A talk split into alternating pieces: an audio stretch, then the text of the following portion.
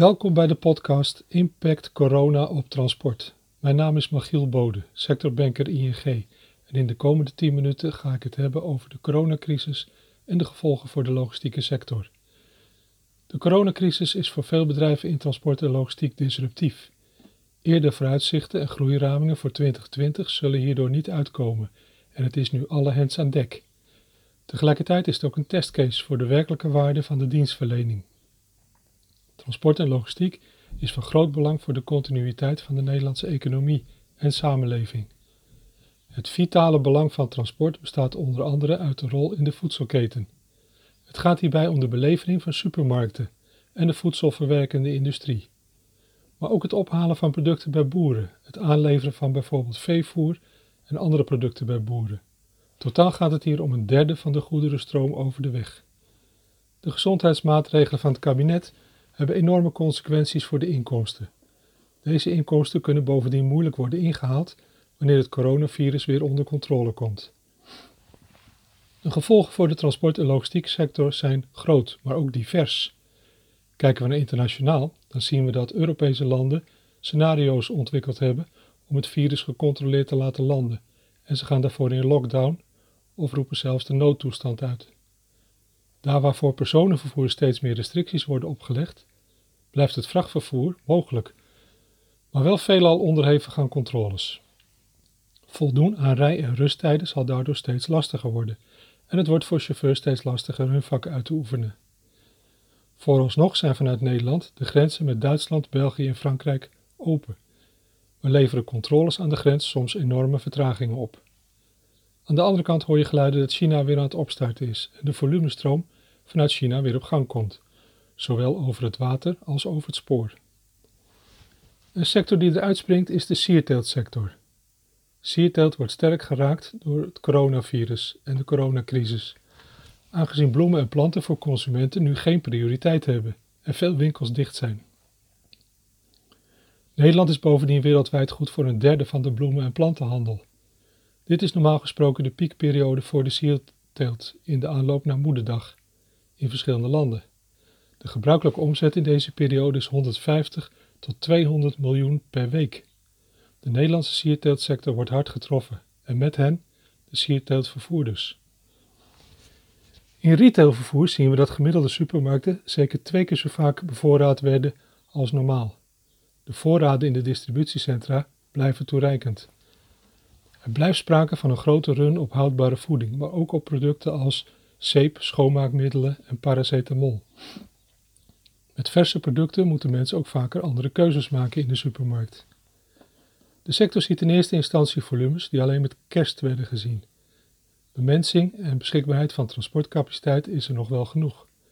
Echter de laad- en lostijden zijn veel lastiger in te schatten, doordat men nu vaker langer moet wachten wegens de grote drukte bij de deur.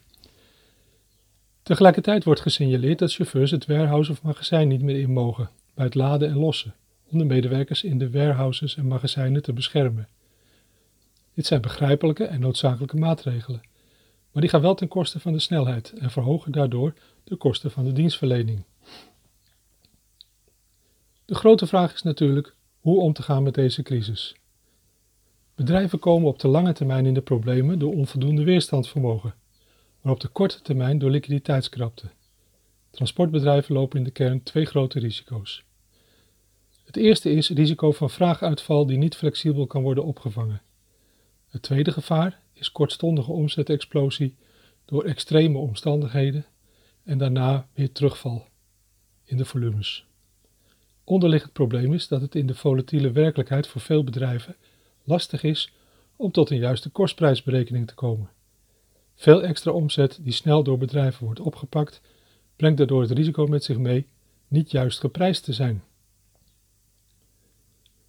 Terugkijkend naar de start van het coronaverhaal valt op dat het in eerste instantie als een Chinees probleem werd gezien.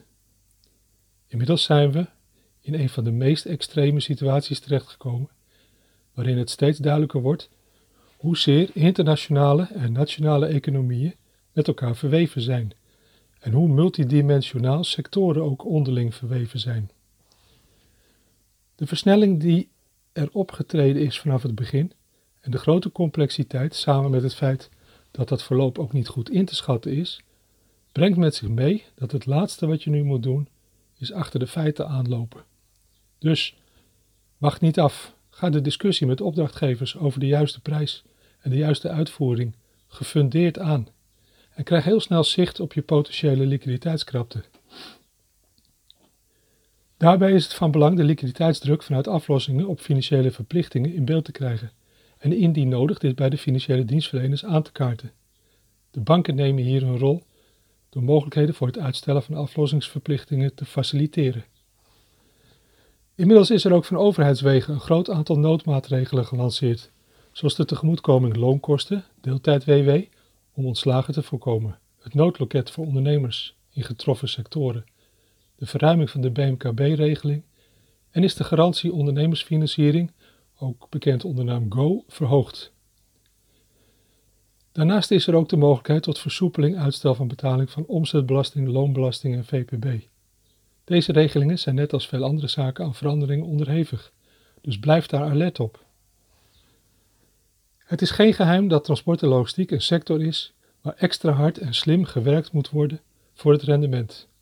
De trends in de sector werden ingekleurd door toenemende volatiliteit als gevolg van afnemende economische groei, toenemende transparantie, afnemende zendingsgroottes en toenemende leverfrequenties.